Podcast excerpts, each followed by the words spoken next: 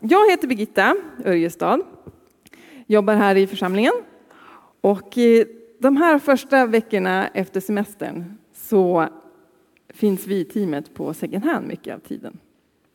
Så framförallt vi pastorer, jag, Anna-Karin och Daniel, vi lägger mycket av vår arbetstid på second hand och det har varit jätteroligt att få, eh, ja, men få en inblick, lite mer inblick där och fått eh, lära känna de som jobbar där lite mer. Så, och de behöver alla händer och fötter de kan få. Ja, barnen har gått iväg och nu så ska ni vuxna få ett uppdrag också att fundera under eh, den här predikan till slutet på den här. Varför är barn och ungdomar viktiga för vår församling? Jag tar för givet att vi tycker att barn och ungdomar är viktiga. Så därför ställer jag inte den frågan. Utan varför är barn och ungdomar viktiga för vår församling? Vad skulle vi, vad skulle vi kunna säga till dem? Varför, varför de är viktiga? Vi kommer tillbaka till den. Men nu går vi till Paulus. Paulus, han kan vi läsa om mycket i Bibeln. Han som eh, först var ute för att eh, ta rätt på alla kristna och sätta dem i fängelse.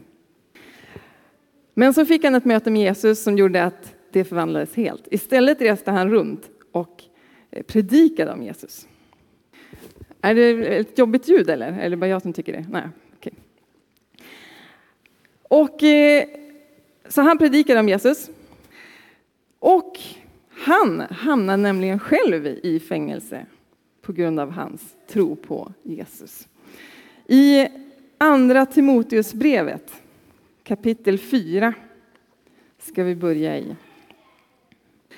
Där sitter Paulus i fängelse och eh, i Rom och den här gången så vet han att han inte kommer att komma ut därifrån.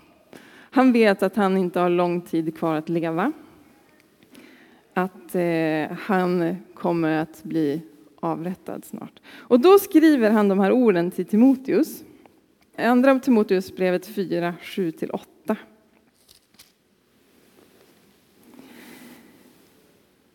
Jag har kämpat den goda kampen. Jag har fullbordat loppet, jag har bevarat tron.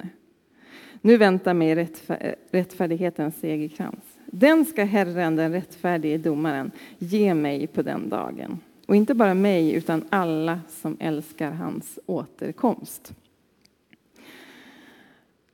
Paulus han skriver här att han har fullbordat loppet och han har bevarat tron. Han liksom trycker på det, att det är viktigt. Vi som församling vi har ett viktigt uppdrag i att förmedla Jesus till människor.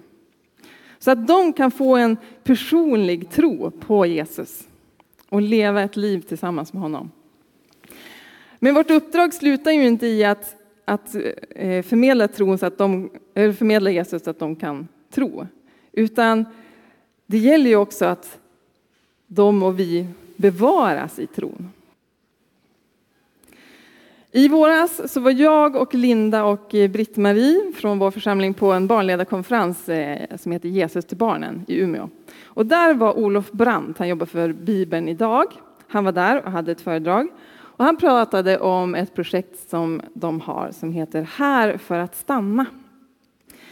Och han berättade då om Bibeln idags internationella rörelse som hade gjort en eh, upptäckt under en längre tid. Att eh, barn och unga som möter tron på kyrkans läger och i kyrkans verksamhet eh, till stor del också lämnar tron efter en tid. Och på många platser så hade de sett att över 50 procent, som när man närmar sig vuxen ålder, har lämnat tron helt och hållet. Och så börjar de undersöka det här. Vad är det som gör att de som finns kvar i tron, eh, vad är det som gör att de bestämmer sig, ja men jag är här för att stanna.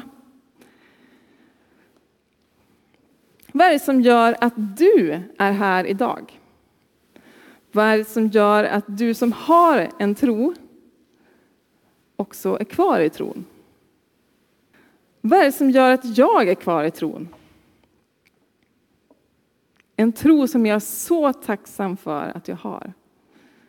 Eh, kan vi, funkar det med den här bilden som jag skickade? Ska se om det kommer upp en bild. Där.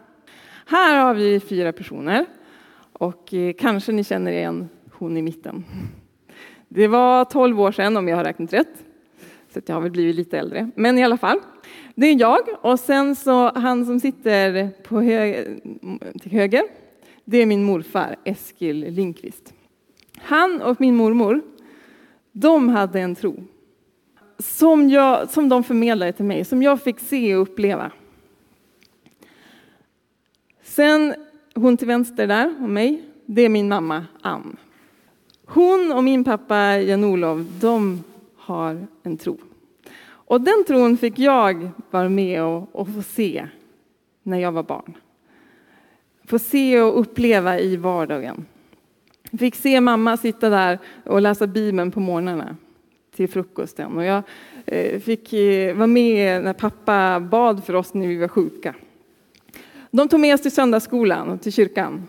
Och i söndagsskolan så fick jag lära mig mer och jag fick vänner för livet. Elina Eriksson, jag tror inte att hon är här idag kanske, men hon som är med i församlingen här, hon, eh, hon är en av dem som vi lärde känna i ung ålder. Och när jag blev för gammal för söndagsskola, då var mina söndagsskolledare snabbt där och fångade upp mig. Men vill inte du eh, hjälpa till som hjälpledare? Jag, den tysta blyga som knappt sa ett ord. Men de såg mig. Och jag fick vara med där och fick växa och lära mig i det.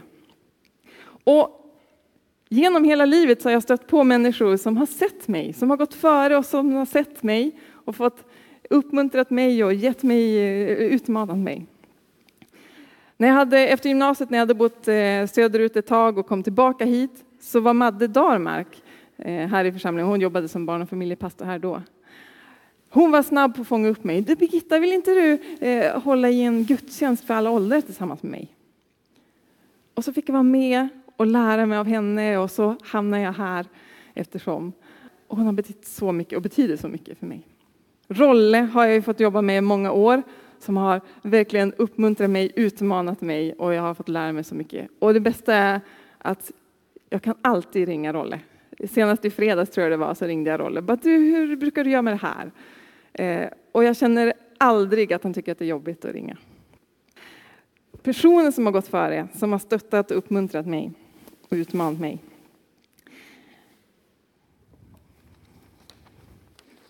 Okej, tillbaka till Bibeln idag, eh, den här rapporten som de har gjort här för att stanna. Den här undersökningen de gjorde, de kom fram till att eh, barn och unga, unga, vad som gjorde att de stannade kvar i tron, då hittade de tio olika byggstenar och vi ska inte gå igenom alla dem. Men två av dem säger de är grundstenar, för de två tyckte de att var det allra viktigaste. Det tyckte de att de kunde se. Och det ena av dem var familjen. Familjen hade en stor betydelse och inflytande. Och det andra var relationer över generationsgränserna. Och då skriver de så här om den punkten. Barn och unga som får relationer med andra, äldre och yngre, stannar i högre grad i tron.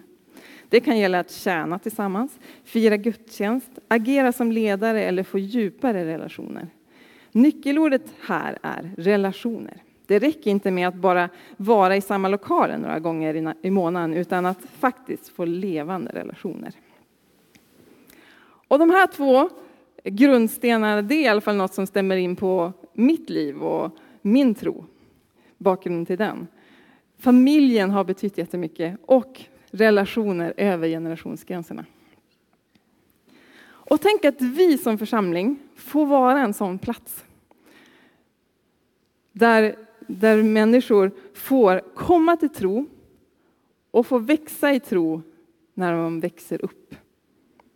Mattias Sennehed som har jobbat mycket med unga vuxna inom pingst, han har myntat ett uttryck, jag vet inte exakt hur citatet är, men just det här att, att få vara en plats där man får komma till tro, få växa i tro när man växer upp.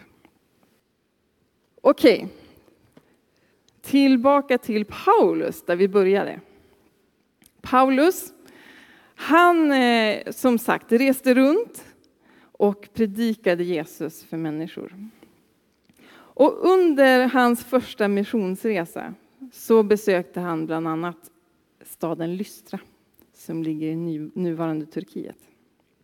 Och i staden Lystra bodde en ung man som hette Timoteus. Och det är troligt att Timoteus kom till tro på Jesus efter Paulus första resa dit, Eh, första besök där. Men sen hade Timoteus också en mamma och en mormor, kan vi läsa, som också hade en djup tro. Som säkerligen också stäm, eh, var en bidragande orsak. Och vi ska se vad som händer när Paulus kommer tillbaka till Lystra på sin andra missionsresa i Apostlagärningarna kapitel 16. Kapitel 16 och vers 1 till 5. Apostlagärningarna 16. Paulus kom också till Derbe och Lystra. Där fanns en lärjunge som hette Timoteus. Han var son till en troende judinna, men hans far var grek. Bröderna i Lystra och Ikonium talade väl om Timoteus. Paulus ville ha med honom på resan. Och av hänsyn till judarna i de trakterna tog han och omskar honom eftersom alla visste att hans far var grek. När de reste genom städerna överlämnade de de besluten som apostlarna och de äldste i Jerusalem hade fastställt. Och församlingarna stärktes i tron och växte i antal för varje dag. Jag har läst att Timoteus eh, verkar ha varit en blyg och tillbakadragen person. Och eh, det kan ju vara lätt att glömma de här tysta och blyga personerna som inte gör så mycket väsen av sig. Men Paulus, han såg Timoteus och han tog sig an honom. Han ville ha med honom på sin resa. Och uppenbarligen så tackade Timoteus ja till det erbjudandet eftersom han, vi kan läsa hur han följde med. Och Timoteus han får vara med då och få följa Paulus på nära håll, få lära sig av honom. Och en lång och djup vänskap uppstår mellan Paulus och Timoteus. Paulus han kallar till och med Timoteus för sin egen son i tron. Som far och son blir de, och även som mentor och elev. Och som vänner, som medarbetare. Paulus han visade Timoteus förtroende och han gav honom han, eh, ansvarsfulla ansvarsfulla uppdrag med tiden. Bland annat så kan vi läsa att eh, Paulus han lämnade Timoteus i Efesos som ledare i, i församlingen där. Så vi går till första Timoteusbrevet kapitel 1. Vers 3 till 4.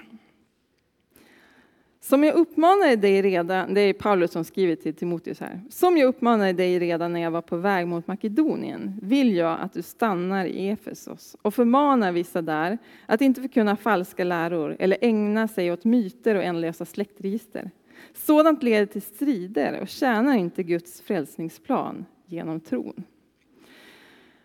Alltså Paulus han lämnar Timoteus i församlingen där, men han, han släpper honom inte. Utan han finns ju fortfarande kvar, på, men kanske på lite distans. Genom bland annat de här två breven som han skickat till Timoteus. Och de här breven är fulla av uppmuntran och eh, vägledning. Det andra brevet som Paulus skriver då till Timoteus, alltså andra Timoteusbrevet, det är då han sitter i fängelse i Rom, där vi var från början. Eh, och han vet att han inte har långt kvar. Så det här brevet blir som ett andligt testamente till sin son i tron. Paulus på något sätt vill skicka vidare det här ledarskapet till nästa generation. Och han skriver till Timoteus där och vill lämna över till honom. Och brevet är fullt av, av råd och uppmuntran till Timoteus. Och jag kan bara tänka mig hur det är för Timoteus att få det här brevet. Och veta att, att hans vän, hans mentor, hans pappa i tron, inte har lång tid kvar. Jag kan bara tänka mig hur han läser det här brevet om och om igen och verkligen tar till sig, försöker ta till sig allt som står i det. Och vi går till Andra Timoteusbrevet och läser inledningen där. Andra Timoteusbrevet 1, från vers 1. Från Paulus, genom Guds vilja, Kristi Jesu apostel, sänd att förkunna löftet om liv i Kristus Jesus. Till Timoteus, mitt älskade barn. Nåd, barmhärtighet och frid från Gud, Fadern och Kristus Jesus, vår Herre. Jag tackar Gud som jag, liksom mina fäder, tjänade med rent samvete. Ständigt, natt och dag, tänker jag på dig i mina böner. När jag minns dina tårar längtar jag efter att få se dig igen för att bli uppfylld av glädje. Jag tänker på den uppriktiga tro som finns hos dig. Och här kommer det, den tro som först fanns hos din mormor Louise och din mor Eunike och som nu, det är jag övertygad om, också finns hos dig. Okej, okay, även Timot, alltså, här ser vi ju Paulus verkligen sin kärlek till Timoteus. Och Timoteus, han verkar ju också ha de här familjen och de här generationsöverskridande relationerna som viktiga för hans tro. Att han hade Paulus som hade sett honom och som uppmuntrade honom och han fick växa i det. Okej. Okay. Jag tycker att vår församling är en plats där vi har de här eh, generationsöverskridande relationerna. Vi har allt ifrån nyfödda upp till 90-plussare. Så vi är en plats med generationsöverskridande relationer. jag tror också att vi kan utveckla det ännu mer. Jag tror att vi kan bli ännu bättre på, på de relationerna. För de är så viktiga. Jag tror att äldre har så mycket att lära sig av de yngre. Jag tror också att de yngre har så mycket att lära sig av de äldre. Och tänk om vi som är äldre tar oss an någon som är yngre än oss själva i tron. Att vi får göra som Timoteus. Han bad dag och natt för honom. Och då har jag tänkt ge en utmaning till mig och till dig idag. Om det är så att du inte har någon som du redan ber för, någon som är yngre än dig i tron, som du kanske är lite mentor för, då vill jag ge dig den utmaningen att fråga Gud. Är det någon som du ska börja be för? Och det kan vara ett första steg. Och har du redan någon, då kanske du ska fråga Gud om du ska utöka. Be för någon fler. Så ett första steg det kan vara att börja be för den personen. Nästa steg, tänker jag, kan vara att, att berätta för den personen att du ber för den personen. Det är så uppmuntrande när någon kommer till mig och säger att jag ber för dig. Och ett ytterligare steg, det kan vara att fråga den personen om det är något speciellt den vill att man ska be för. Och där kan samtalet och relationen vara igång. En annan sak som jag tror att vi kan bli ännu bättre på, vi är bra på det, men vi kan bli ännu bättre på det, att se varandra. Olof Brandt där på eh, den här barnledarkonferensen, han berättade att, han, att de hade gjort en undersökning i någon församling, jag vet inte vart, en, bara väldigt, väldigt enkel. De hade samlat barnen i sin församling och så hade de frågat dem en söndag då, hur många vuxna var det som hälsade på dig när du kom hit till kyrkan idag? Och jag kommer inte alls ihåg några siffror, men jag kommer ihåg att han berättade att det var inte många barn som kände att det var så många vuxna som hade hälsat på dem. Alltså det kan vara en start. Att när barn och unga kommer hit så får de känna att de blir sedda av oss vuxna.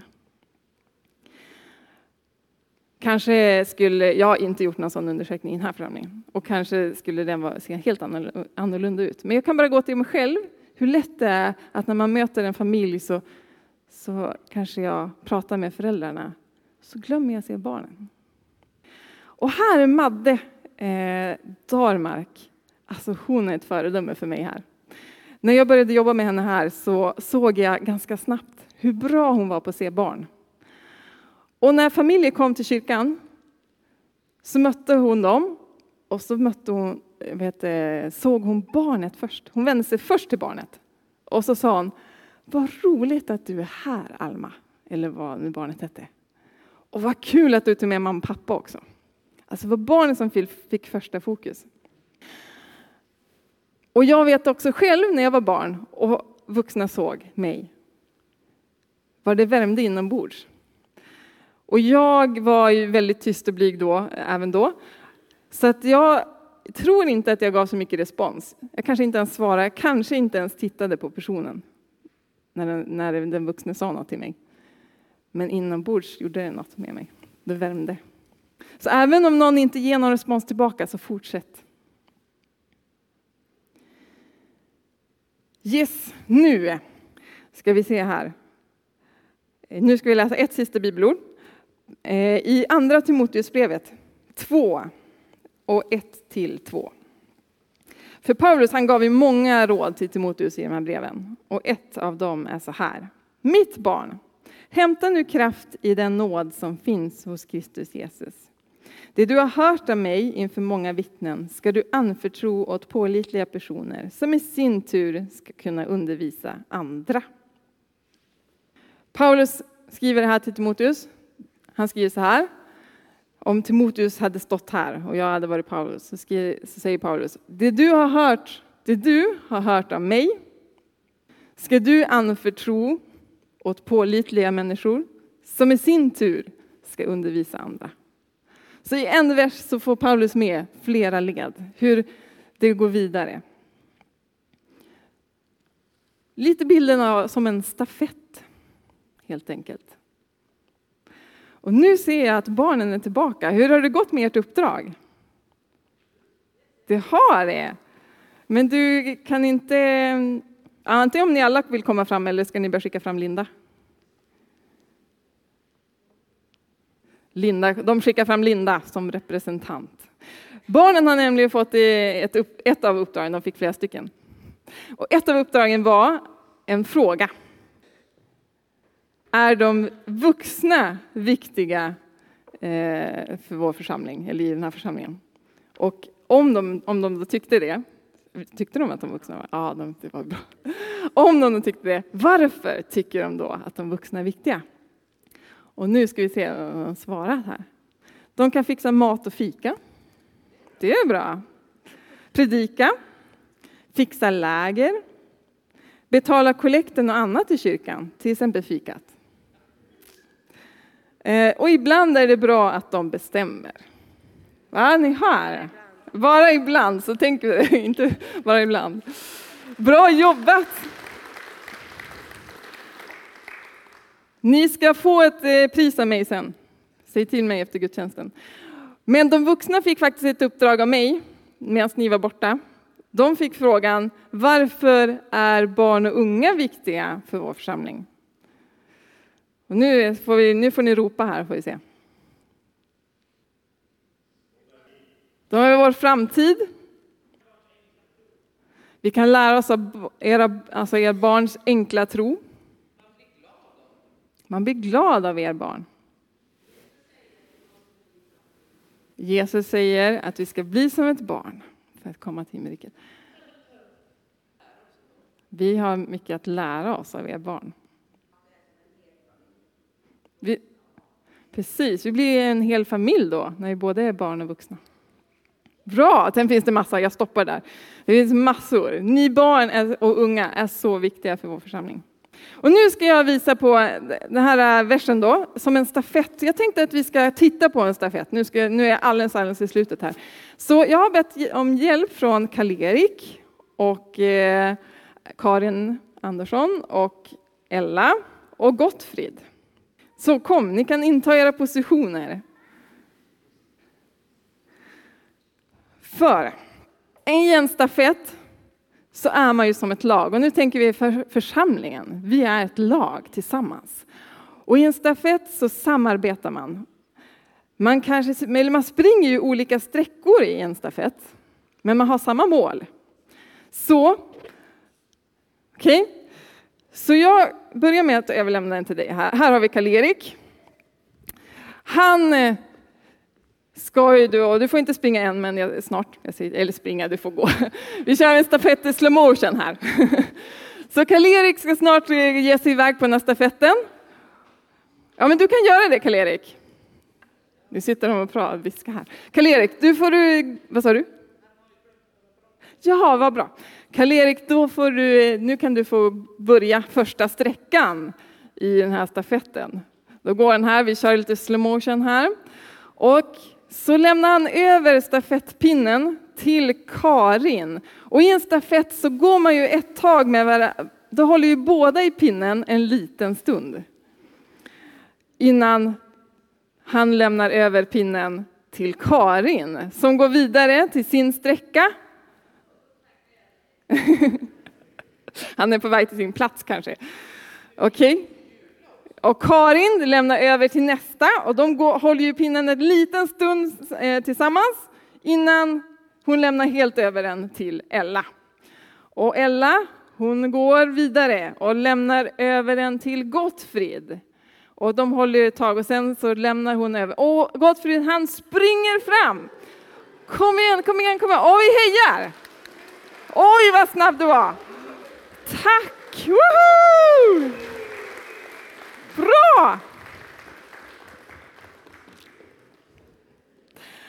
Det är ju så en stafett går till. Tack för hjälpen alla ni som hjälpte till.